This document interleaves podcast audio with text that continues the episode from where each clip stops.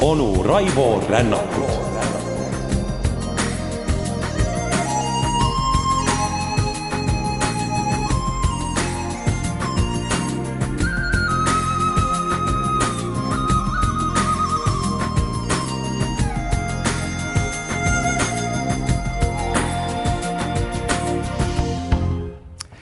tere hommikust ja kaunist pühapäeva, head sõbrad! tere tulemast järjekordsele rännakule salaluure maailmas ja oleme rääkinud Briti välisluureteenistuse ehk MI6 operatsioonist, mis seotud Iraani vastava instantsi kõrge ametniku ületoomis Suurbritanniasse.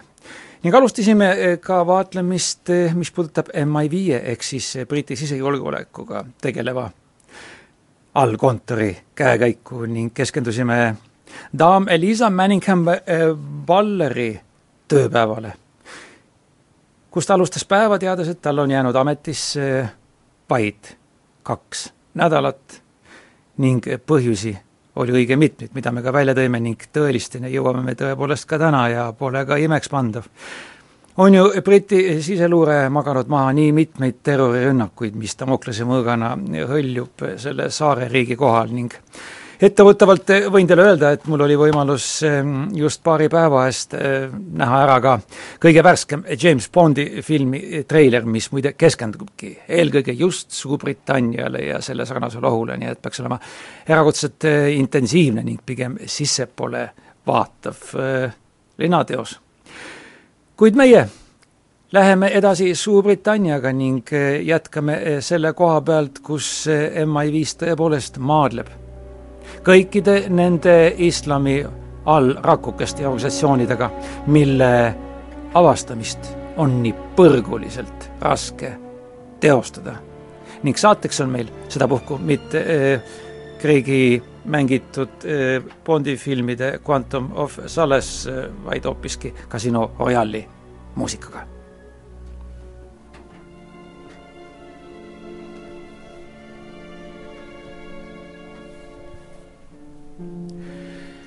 niisiis, MI5 turve- ja julgeolekuosakonnas töötati lausa eh, palavikuliselt, teostati nõndanimetatud telefoni traalimist et selgitada välja kõikide nende islami algrakukeste võimalikke sidemeid omavahel, nende lätteid.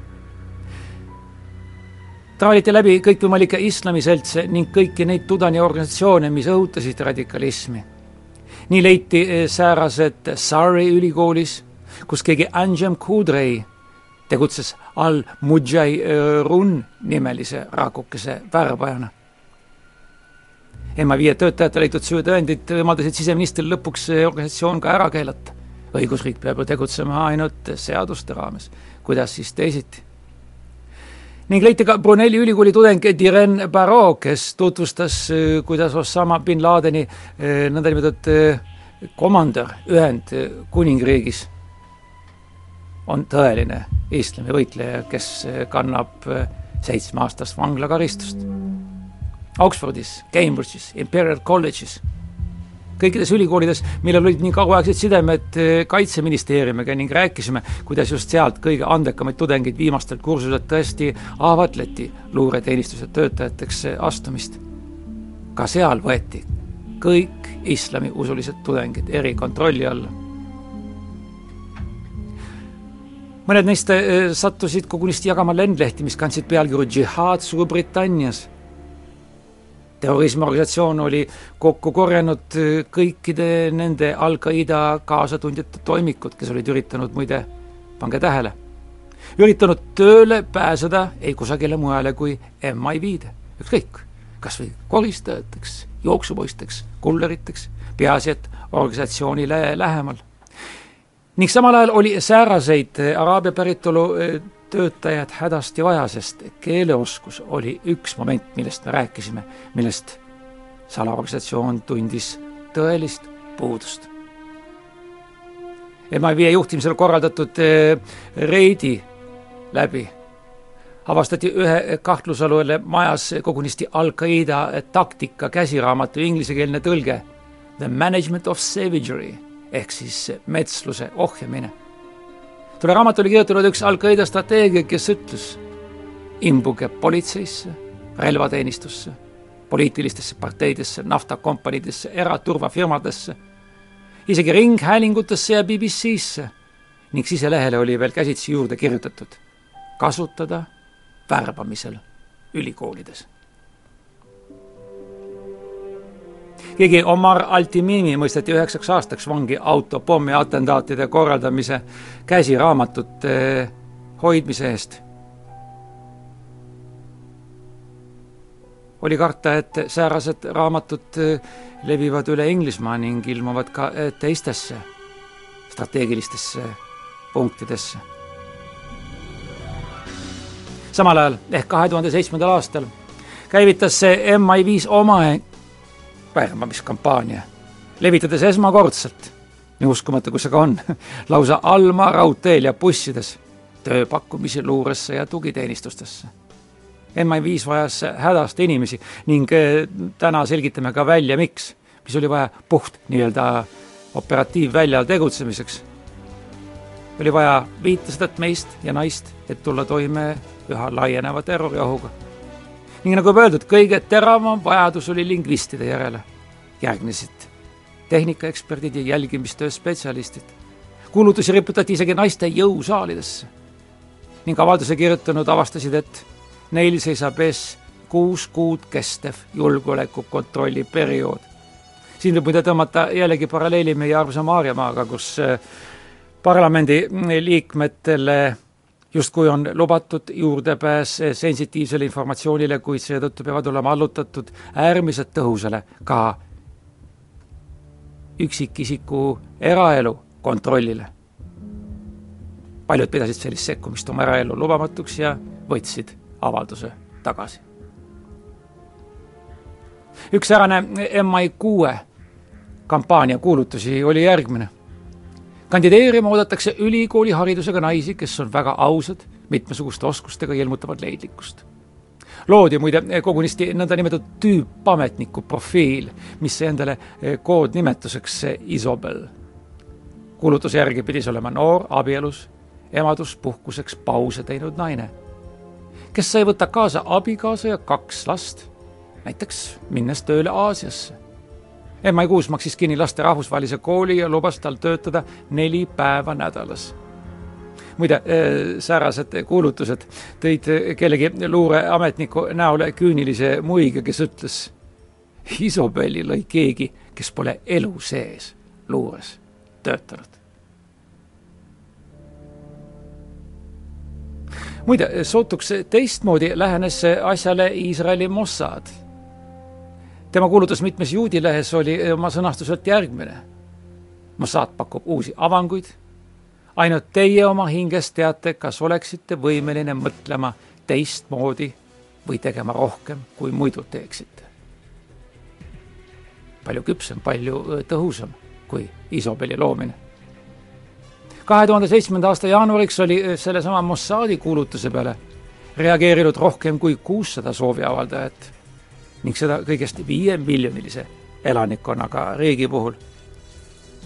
kuid mitte ükski teine luureteenistus ei oodanud, et tema naised on valmis kasutama oma töös võrgutamist, välja arvatud Iisrael. see riik rõhus oma naiste patriotismi tundele ning ütles, et välistada ei tohi mitte midagi, ka magamist vaenlasega, kui see on kodumaa huvides ning kõik Mossadi naised pidid kaasnevatest ohtudest olema teadlikud. kui ta on abielus, nagu paljud on, peab ta murdma truudust. kui ta ei ole prostituut, on ta ometigi valinud ameti ja see on luuretöö ja see peab olema tema ideaalide vääriline. selle kohta on olemas muide üks näide näide sellest, mida oodati Mossadi naisagendilt, keda on kirjeldatud nime all Cheryl Pentoff. see daam oli sündinud USA-s Floridas, Orlando linnas ning ta värvati, uskuge või mitte, nädal pärast naasmist pulmareisilt Hispaanias. alles koju lennu ajal teatas tema abikaasa Ben talle, et ta on Iisraeli kõrgem luureohvitser. ja nagu kõik Mossadi värvatud, tegi Sheryl läbi mitu testi, millega hinnati tema sotsiaalseid oskusi ja IQ-d. ka selgitasid Mossadi psühholoogid välja, et ta ei tohi osaldada mitte kedagi peale oma kolleegide. teda õpetati tüssama, kasutama meetodeid, mis rikkusid kõike seda, millesse ta kunagi oli uskunud teda koolitati istmelt tõusmata relva haarama, meelde jätma võimalikult palju nimesid, talle näidati, kuidas pakkida eh, väike kompaktne Beretta püstol oma püksikutesse ja kuidas lõigata seelikusse varjatud ava, mis hõlbustas ligipääsu relvale. ta õppis, kuidas murda sisse hotellituppa või varastada asutusest dokumente. ta pidi kasutama oma võlusid, et korjata ööklubis üles mõni meesturist, varastada tema rahakott ja sokutada tema joogi sisse Mossadi keemikute loodud kiire toimeline uimasti, mis koosnes amfetamiinide kokteilist ega jätud vereringesse mitte mingit jälge. ning eesmärgiks oli, et toimumisel pandi ohver tõesti uskuma, et teda oli lihtsalt kellegi poolt röövitud. mitu kuud lihvis Mossadi instruktorite Sherili oskusi kasutada kõiki neid sunni, võrgutamis ja ka seksivahendid. talle toobiti sisse kõikvõimalikke muidki oskusi. Nii õppis ta näiteks, kuidas põske topitud vatipadjakeste abil muuta näokuju, kuidas varastada autot, kuidas teeselda purjus olekut või luua näiteks puu alla peidikut, kuhu varasema kokkuleppe kohaselt võib jätta kodeeritud sõnumi. see on see lihtne nii-öelda lahinguvälja spioneerimise vorm, mida Venemaal kasutatakse siiamaani tõhusalt ning millest lääneriigid oma kõrgtehnoloogilisuses hakkavad vaata et alla jääma. Mossadi eelistatuim viis anda teada, et sõnum tõepoolest ootab järeltulekut, oli aga jällegi venelastele sarnaselt kõikvõimalike pisikeste märgikeste tegemine, ükskõik kas laternapostile või siis mõne väikese kivi asetamine näiteks juudi kombel hauale asetatud kivikeste moodustises. või siis õppida argiselt lõdvestunud pargipingil istuma ning vajalik informatsioon vastu võtta on teada, et pärast koolituse lõpetamist reisis Cheryl sinnasamasse Madriidi ning naasis muide sellesse samasse hotelli, kus ta oli oma abikaasaga veetnud mesinädalat, kuid sedapuhku koos instruktoriga.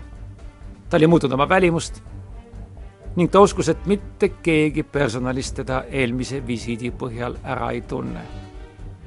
ja seda jõudis tõepoolest täita kümneid Mossadi antud ülesandeid, enne kui temast sai instruktor koolituskeskuses Hezlias mis on üks eh, merekuurort Tel Avivi lähedal. ning eh, Ari Ben-Mashe, üks endine Iisraeli valitsuse terrorismitõrje nõunik, on maaninud väga ilmeka pildi, mida Mossad ootas värvatust ja mis võib-olla võtab siis kogu selle episoodi kokku. inimesed soovivad Mossadi tulla mitmesugustel põhjustel. arvatakse, et spiooniks olemises on teatavat glamuuri. teistele meeldib mõte seiklustest mõned arvavad, et selle läbi tõstab see nende staatust. väikesed inimesed saavad suurteks. ning ükski neist pole vastuvõetav põhjus, miks inimene peaks luuresse tööle minema.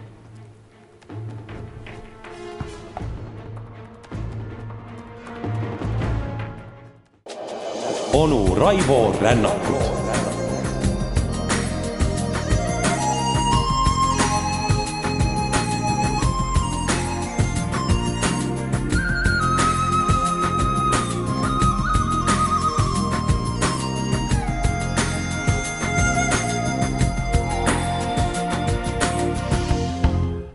niisiis astugem taas kord sisse Jam House'i, kus asub eh, MIV peakontor. kahe tuhande seitsmenda aasta ümberkorraldustega jagati selle maja kaheksa korrust osakondadeks. A-osakond hõlmas operatsioonitoetuse üksusi, mis spetsialiseerus eh, nõndanimetatud salasisenemistele. temaga jagas tööd nõndanimetatud AIF osakond mis tegeles saatkondade, välisriikide kaubandusesinduste, mitmesuguste välispankade ning Kesk-Ida ja Aasia reisidele spetsialiseerunud turismiagentuuride pikaajalise jälgimisega. veel olid olemas väikeses A-kontoris foto- ja kaameramehed, kelle erialaks oli loomulikult siis salapildistamine ja filmimine.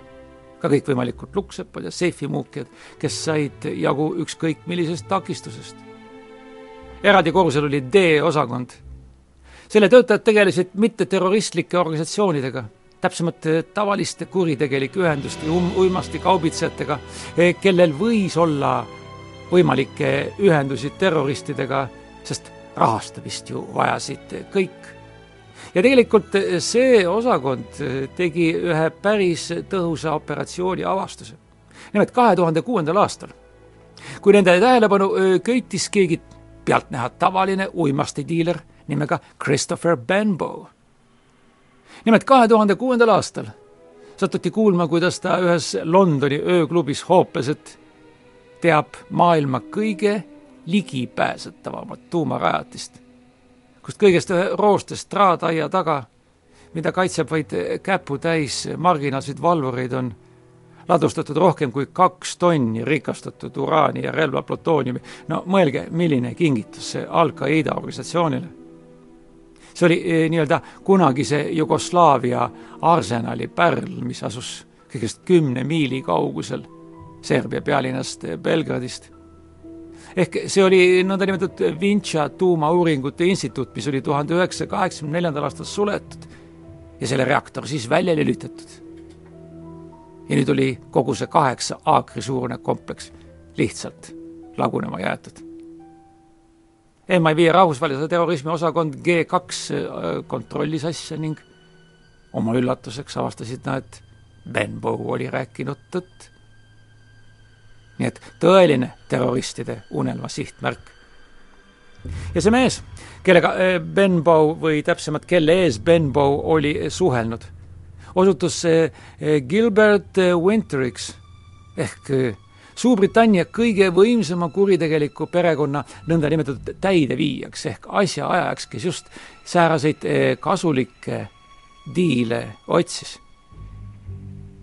ning tuleb öelda, et see mm, organisatsioon, mille eesotsas seisis ristiisa Terry Adams, oli tõesti üks uskumatu moodustis, mille olemasolust kõik teadsid ning kes ometigi ajas oma asju niivõrd tõhusalt ja halva inimese vaatevinklist vaadates perfektselt, et kinni panna neid mitte kuidagi ei õnnestunud. ning just see perekond, eelkõige siis Terry Adamsiga eesotsas, otsis lausa lakkamatult võimalusi perekonna varanduse suurendamiseks, mis muide niigi oli juba kahesaja miljoni naelsterlingi suurune, mis on hangitud peamiselt just nimelt D5 lahinguvälja mõõtmist ehk uimastit, rahapesu ja välismaiste tüdrukute toimetuse läbi Suurbritannia seksiturule. seesama äh, Terry Adams ehk siis äh, täieliku nimega Terence George Adams võib öelda, oli just nagu tõelise legaalse mafiooso kehastus, kes tegi välja nagu rahvusvahelise korporatsiooni president, kes kõrgendas harva häält, kandis Armani ülikonda ning elas Bransbury eeslinnas luksuslikus äh, rajoonis äh, otse kunagise Tony ja Sherry Blairi residentsi läheduses, kelle kodu oli otse loomulikult peentest kunstiesemetest tulvil, kellel oli peenmaitse kunsti haruldaste raamatute suhtes ning kes muide äh, Ascoti kuulsatel kuninglikel võiduajamistel asus oma loožiga alati otse kuningliku looži kõrval. Ning samal ajal ei peljanud äh, paljud Suurbritannia rahutuusad olla võõrustatud tema naise Ruthi poolt korraldatud üritustel. kõik aimasid, millega Terry Adams tegeleb ja ometigi kõik lehvitasid talle aupaklikult, kui ta oma ühes arvukatest eh, autodest, täpsemalt lemmikautos, eh, milleks oli eh, tavaline Londoni must takso, mööda tuhises. Kolmkümmend viis aastat oli seesama Adams oma impeeriumi ehitanud, küll relvastatud röövimiste, küll kõikvõimalike köögiviljaturul tegumiste ja kõige muuga, mis siis päädis uimasti ja inimkaubandusega. ja ometigi, nagu öeldud, politseile tulemuseks mitte midagi ehkki väidetavalt oli andnud korralduse rohkem kui kahekümneks mõrvaks. mitte ühtegi ei suudetud temaga seostada, sest et iga võimaliku koputaja, kas või kahtlustuse puhul sandistati see mees kogu eluks. vaat, miks ei saadud tõendeid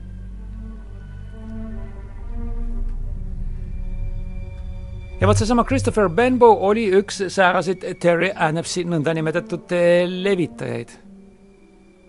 tema idee, et, et tema boss võiks nende tuumamaterjalide mahaärimisega veelgi rikkamaks saada, intrigeeris Adamsit piisavalt, nii et ta ei lasknud seda nii-öelda lollusena kõrvust mööda vuhiseda. paraku ei teadnud aga see ristiisa, et Scotland Yardi vanemohvitserid olid Julgeolekuameti asedirektori Jonathan Evansi juhtimisel juba siiski pidanud maha esimese koosoleku MI5 inimestega, et arutada Adamsi võimaliku tegevuse lõpetamise plaani. nii pandigi Scotland Yardi detektiividele ette, et MI5 D-osakond ja A-osakond loovad üheskoos eriüksuse, mis hangiks Adamsi organisatsiooni hävitamiseks vajalikud tõendid Evans hoiatas, et selle saavutamine nõuab aga kuudepikkust kannatlikku salatööd. ja kogu operatsioon sai nime Trinity ehk kolmainsus.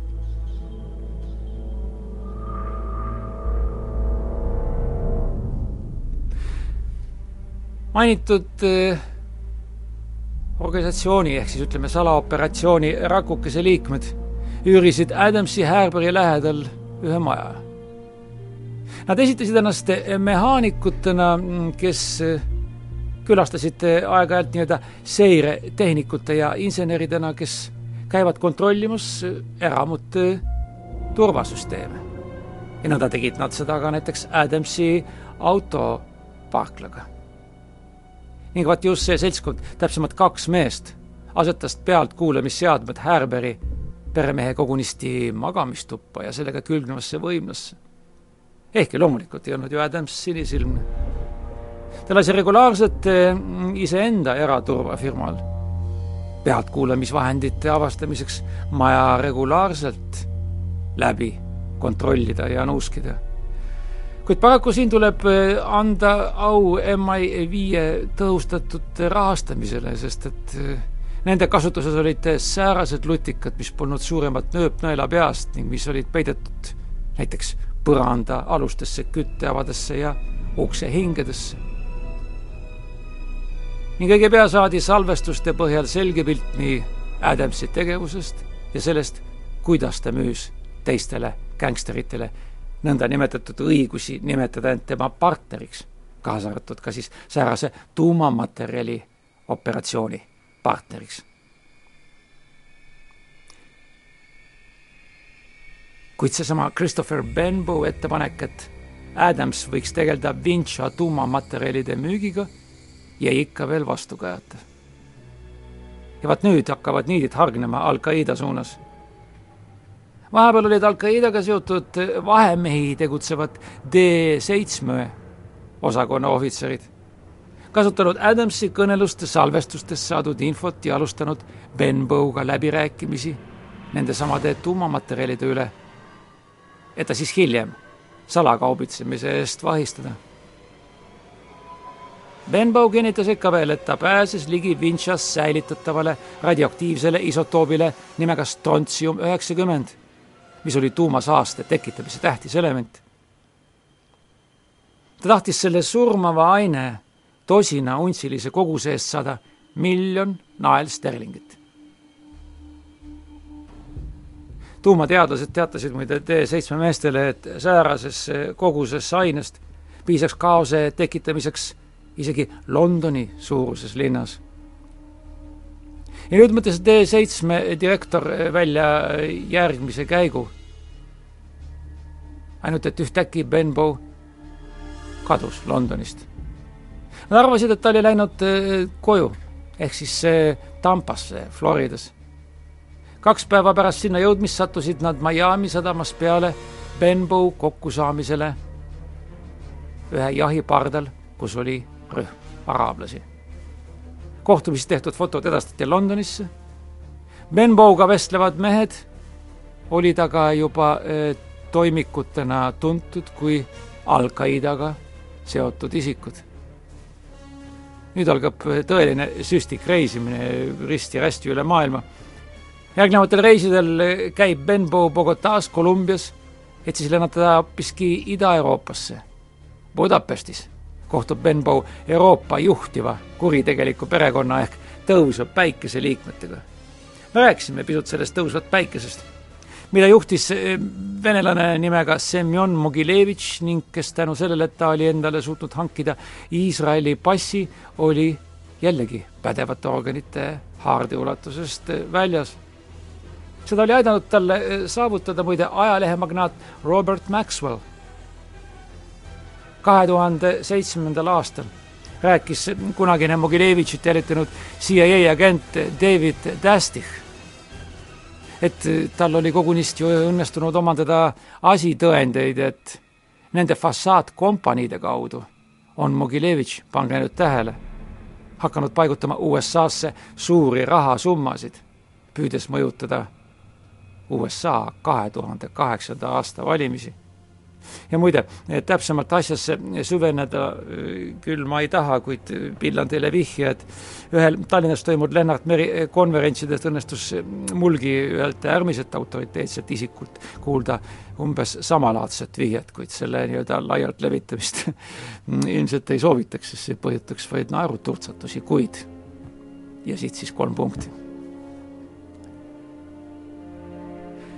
Ja nüüd kerkis esile pakiline küsimus kas Benbu püüab sõlmida tehingut tõusva päikesega?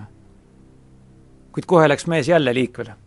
seekord meile, eestlastele tuttavale Costa del Soli rannikule, et kohtuda kahe Terry Adamsi organisatsiooni liikmega.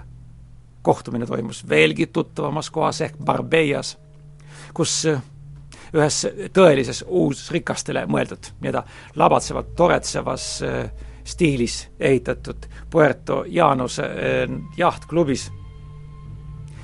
peeti maha eh, kohtumine, millest eh, juba aga tehti salalindistus, kus räägiti heast allikast ja ka uimastilastist.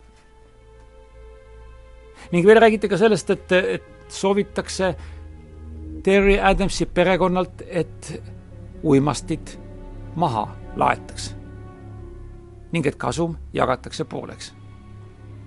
Ning lõpuks eh, tuligi välja uimastite päritolu ehk uimastid tuumamaterjalide vastu, ajades asju Al-Qaidaga, kes eh, pidi tooma kohale vajaliku narkootikumide koguse.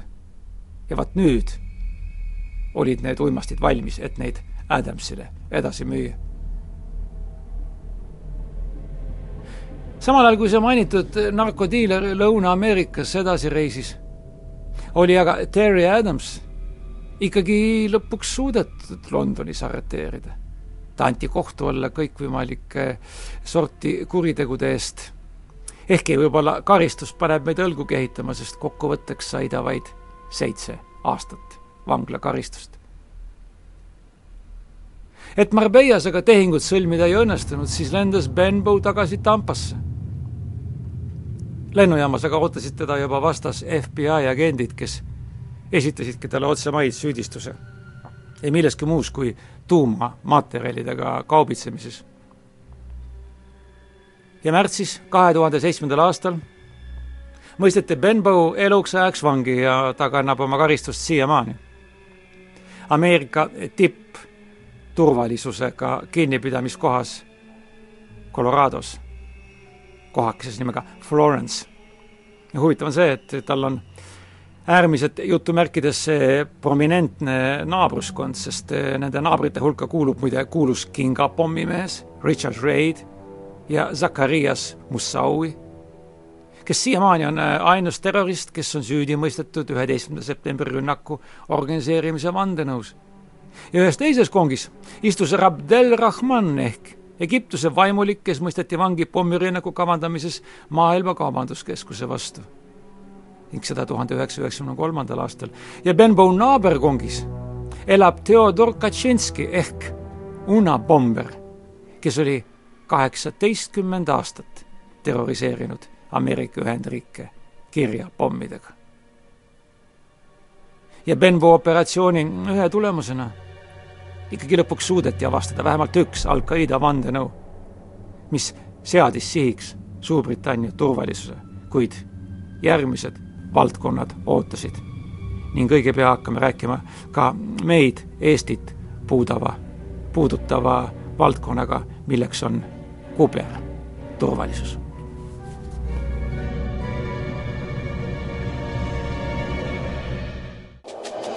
onu Raivo Rännakut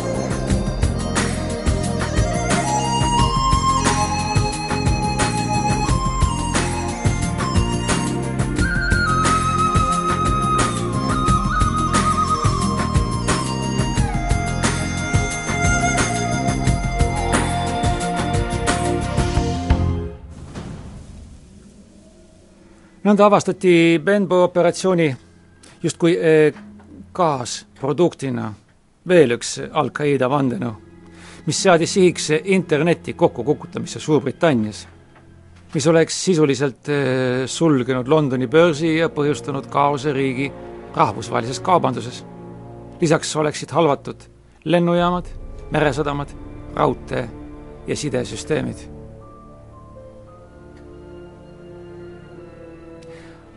asju hakati ajama läbi veebilehekülgede ja uuriti ehk sõna, sõna otseses mõttes traaliti üksipulgi läbi kõikvõimalikke veebilehekülgi. ning avastati, et üks mm, säärane võimalike tulemitena viipe veebilehekülg toimis ühest majast Ealing Broadway'l, Londoni eeslinnas, kus oli peavarju leidnud hulk Kesk-Idast pärit elanikke. mõned neist juba olid varem MI5 vaatlusaluste nimekirjas samal ajal kui teise veebilehekülje operaatorist ei teatud absoluutselt mitte midagi. ning läheneti jällegi nii-öelda libainseneride ja tehnikute liini pidi ehk. kõigepealt tekitati maja telefonis häirid, mis võimaldasid tehnotoe osakonna. nagu MI5 töötajad neid ise kutsusid, lutikoonudel. esitada ennast lihtsalt viga parandama tulnud British Telecomi inseneridena. ning nõnda tuli telefonisse paigutada eh, pealkuulamisseade, mis pidi olema aga küllalt võimas, et kuulda vestlust pealt ükskõik millises majas hoopis. teine seireametnik oli üürinud aga korteri üle tänava, et nõndanimetatud tolmuimejaks nimetatud elektronvarustust kasutades üles noppida mis tahes vestlused. Ning pärast äh, ühte luurekäiku Telehouse Europe'i juures avastati, et just selle äärmiselt tähtsa keskuse vastu kavandas operatsiooni üks terroristide rühm. seda näitas äh, majas salvestatud vestlust, kus oli äh, pandud kokku plaan et hoone rünnata ning lasta end õhku keha külge kinnitatud lõhkeainega, mille kogusest oleks piisanud kogu hoone purustamiseks. ja kui plaanitud rünnakuni jäi alles vaid mõni päev, kokkulangemisena muide, samal ajal kui Benbow nurjus Adamsi pande kaasatõmbamine Marbeias, korraldasidki Scotland Yardi terrorismitõrjekomando mehed reidi Ealing Broadway majja ja sedapuhku, just nimelt võib öelda, et sedapuhku tulemusrikkalt võeti vandenõulased kinni.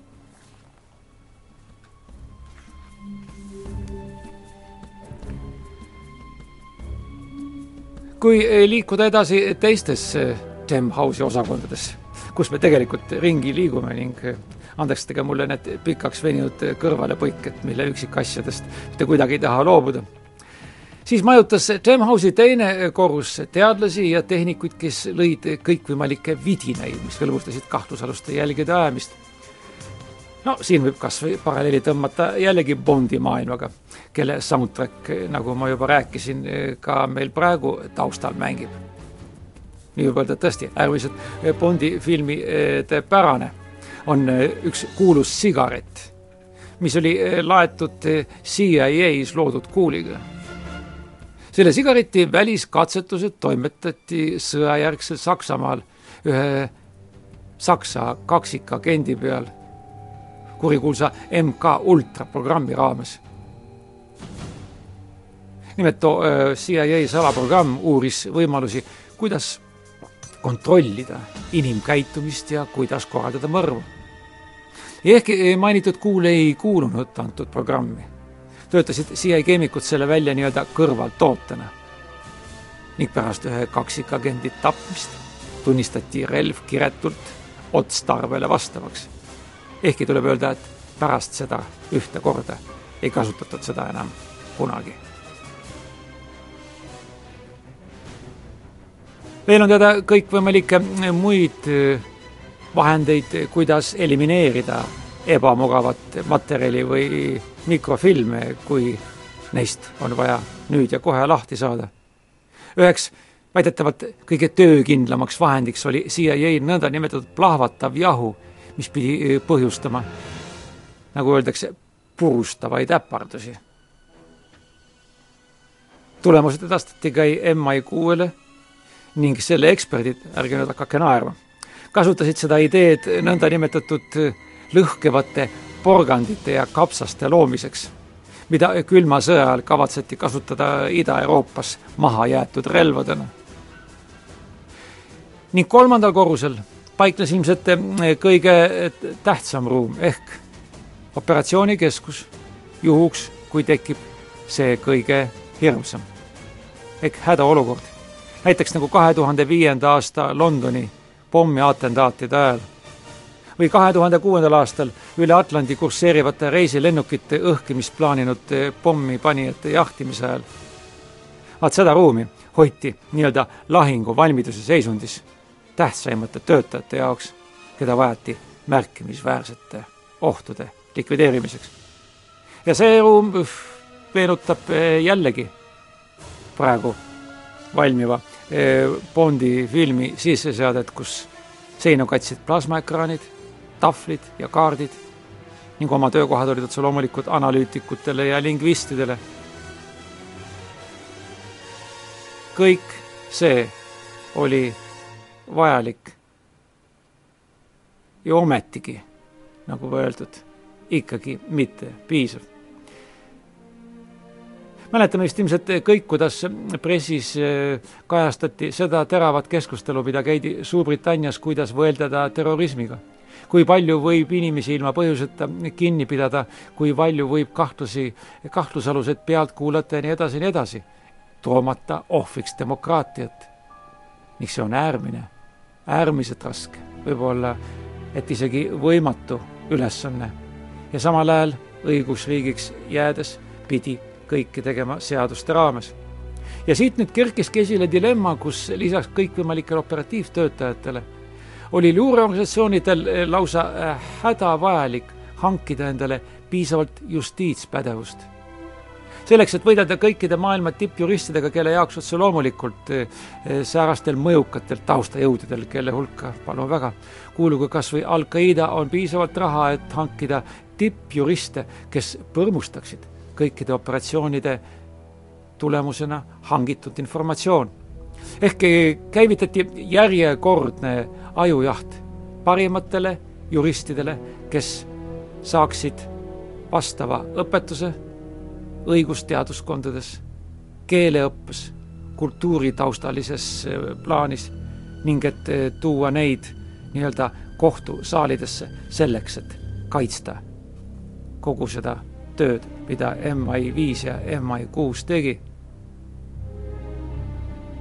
ja ometigi tabasid ka sellest justkui eh, piisavaks loodud õiguslikust kaitsest julgeolekuametite endised nurjumised. kahe tuhande kuuendal aastal sai julgeoleku ja spionaažitõrjeorganisatsioon teate, eh, mida hiljem nimetati küll usutavaks luureinfoks, mis aga oli sõna otseses mõttes kirstunaenaks meile juba tuttavale Elisa Manningham-Ballerile. nimelt, eh, kui tuli justkui usaldusväärsest allikast teave, et Lõuna-Londonis peitus ühes moslemi perekonnas, täpsemalt nende majas tsüaniitpomm, mis ajalehe sõnul oli võimalik tapma tuhandeid londonlasi. Forest Gate'is paiknevasse majja tormas reidile üle kahesaja Scotland Yardi töötaja. Neist paljud relvastatud biosõjaüksus ja MI5 agendid. ja mitte mingit pommi või mitte mingit märki terroristlikust tegevusest ei leitud, hoone lammutati koost, perekonna kodu taastamise kulud otse loomulikult maksti kinni valitsuse erifondist. ning vaat selle operatsiooni kriitika oligi siis see viimane piisk. Dame Eliza Manningham Balleri kontos, kes pärast seda esitaski lahkumisavalduse.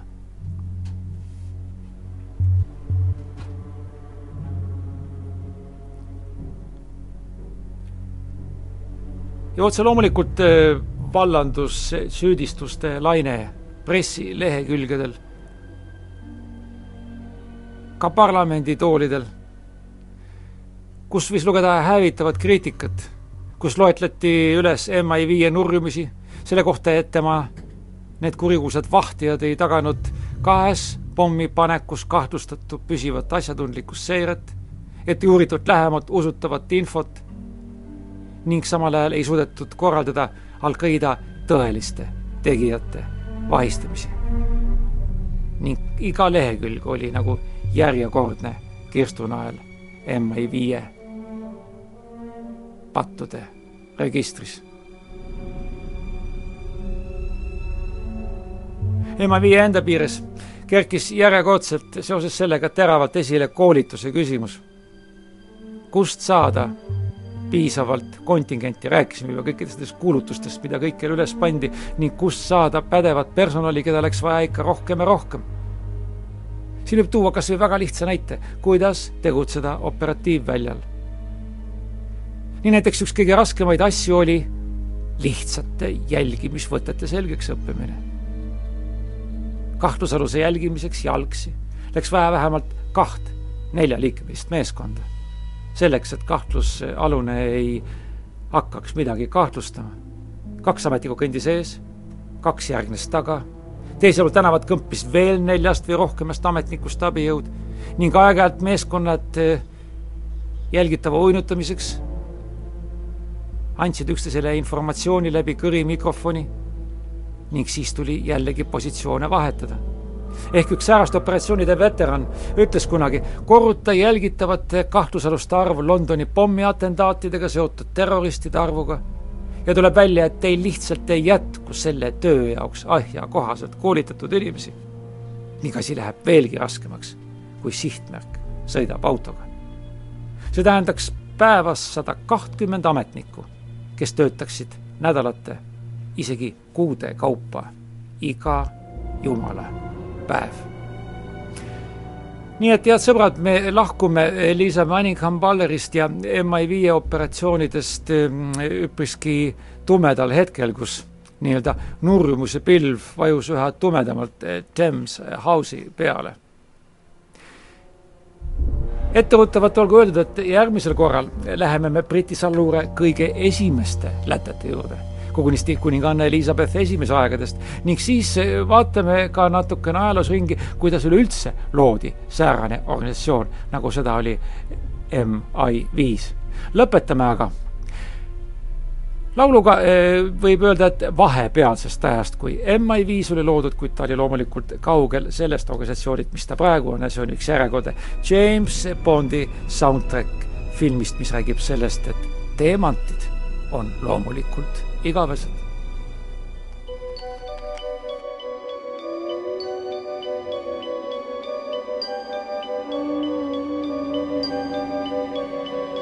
Diamonds are forever. They are all I need to please me. They can stimulate and tease me. No fear that they might desert me. Diamonds are forever. Hold one up and then caress it. Touch it, stroke it, and undress it. I can see every part, nothing